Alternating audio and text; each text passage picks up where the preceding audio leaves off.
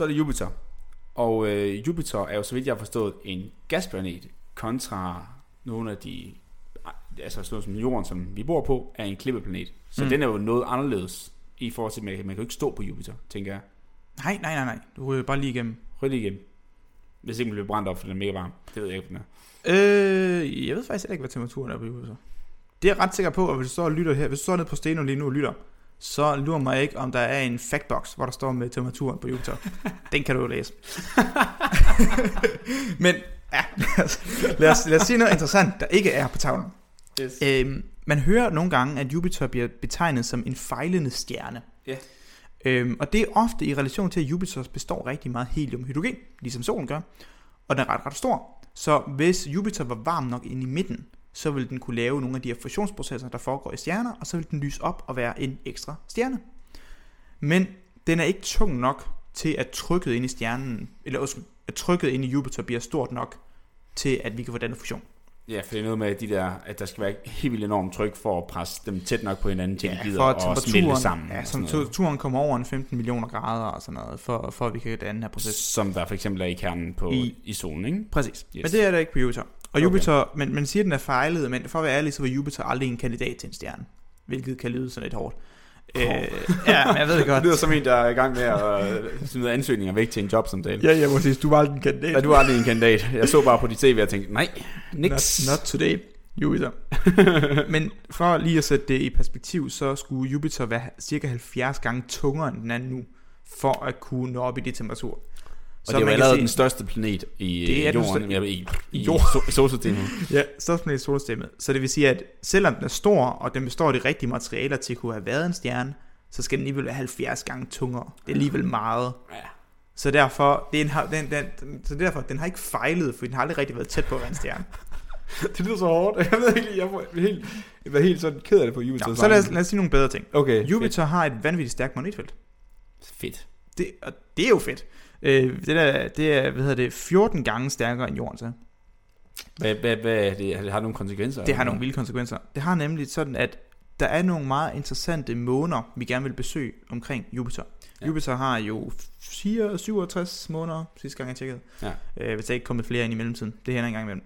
En del måneder, og nogle af dem her er ret interessante og har sjove vulkaniske strukturer og er faste klippemåner, og nogle af dem er ret store endda. Øhm, altså de, derfor kunne det være faktisk ret interessant at sende øh, hvad hedder det, nogle, øh, nogle øh, raketter op på de her måner. Men det der er, det er, at fordi at magnetfeltet er så stærkt for Jupiter, det rækker så langt ud, så mange af de her interessante øh, måner, vi gerne vil lande på, kan vi ikke lande på. Fordi når vi kommer tæt nok på Jupiter, ja. så vil det her stærke magnetfelt simpelthen fry og ødelægge alt vores elektriske udstyr. Nå, Så det, det sætter en, en, ret, en ret fysisk grænse for, hvor tæt vi kan nærme os på Jupiter, uden at den begynder at ødelægge vores er maskiner. det lidt ligesom, at man ikke skal putte en rigtig stærk magnet alt for tæt på sin, øh, for tæt på sin øh, mobiltelefon og sådan noget? Ja. Fordi det kommer til at ødelægge elektronikken og sådan noget. Ja, fuldkommen. Okay. Det er rimelig meget derfor. Øh, og vi har lavet et afsnit omkring solvinden, og så kan man høre om, hvorfor det er, at det sker. Men det er Yes. en kort forklaring, at det gør. Så vi er, der er altså en form for fysisk barriere for, hvor tæt vi kan komme på Jupiter, fordi ja. dens magnetfelt simpelthen strækker sig ud forbi dens måne, altså og stadig, og stadig på et niveau, hvor den er så kraftig, at den ligesom øh, at den ødelægger vores udstyr. Okay. Så det er lidt øh, spøjs. Så skal vi bare flyve uden elektronik. Øh, det er jo også sådan, at man kan ikke sige Jupiter uden at sige øh, den, jeg skal sige, det, den, den store røde plet, men det lød ikke så pænt.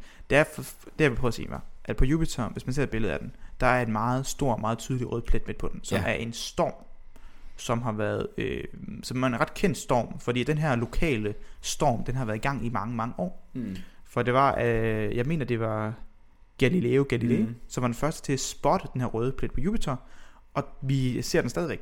Ja. Så det er jo i hvert fald cirka 400-500 år ish. Og man ved ikke, hvor lang tid før den har været der, for Nej. ikke nogen, der har set den inden. Det er nemlig det. Det vi formoder, det er i 1700-tallet, der blev lavet et estimat af, hvor stor den her var. Ja. Og der estimerede man den til at være cirka en diameter øh, på omkring 40.000 km. Så det er jo Hvor- lige jordens størrelse, sådan jordens diameter cirka, ikke? Øh, det, nej, det er cirka jordens omkreds. Jo, Jordens omkreds. diameter er cirka 12.000 km. Nå, okay, nå. Uh, Så næ- næsten cirka 3, 3,1 eller anden gange øh, større end jorden. det er en pæn stor storm. Stor storm. Men det vi så kan se, det er, at den ser ud til at være øh, skrumpet lidt. Mm. Så det tal, vi har i dag, er markant, markant mindre. Jeg mener, det er omkring 16.000 km. Og så er du kun Okay. jordens størrelse. Kun jordens størrelse. Ah, okay. Øhm, så det ser det også ud til, at selvom den ikke, den ikke er forsvundet i alle de år, så ser det dog ud til, at den, at den skrumper lidt. Øh, så vi må se, om den forsvinder helt. Okay. Det var det, jeg havde.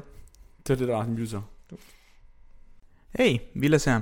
Hvis vores podcast falder i din smag, så hjælp os med at dele naturvidenskaben med resten af Danmark. Det kan du gøre ved at vurdere os på din foretrækkende podcast-app eller anbefale os til venner og familie. Og hvis du virkelig er vild med os, så kan du støtte os på Patreon.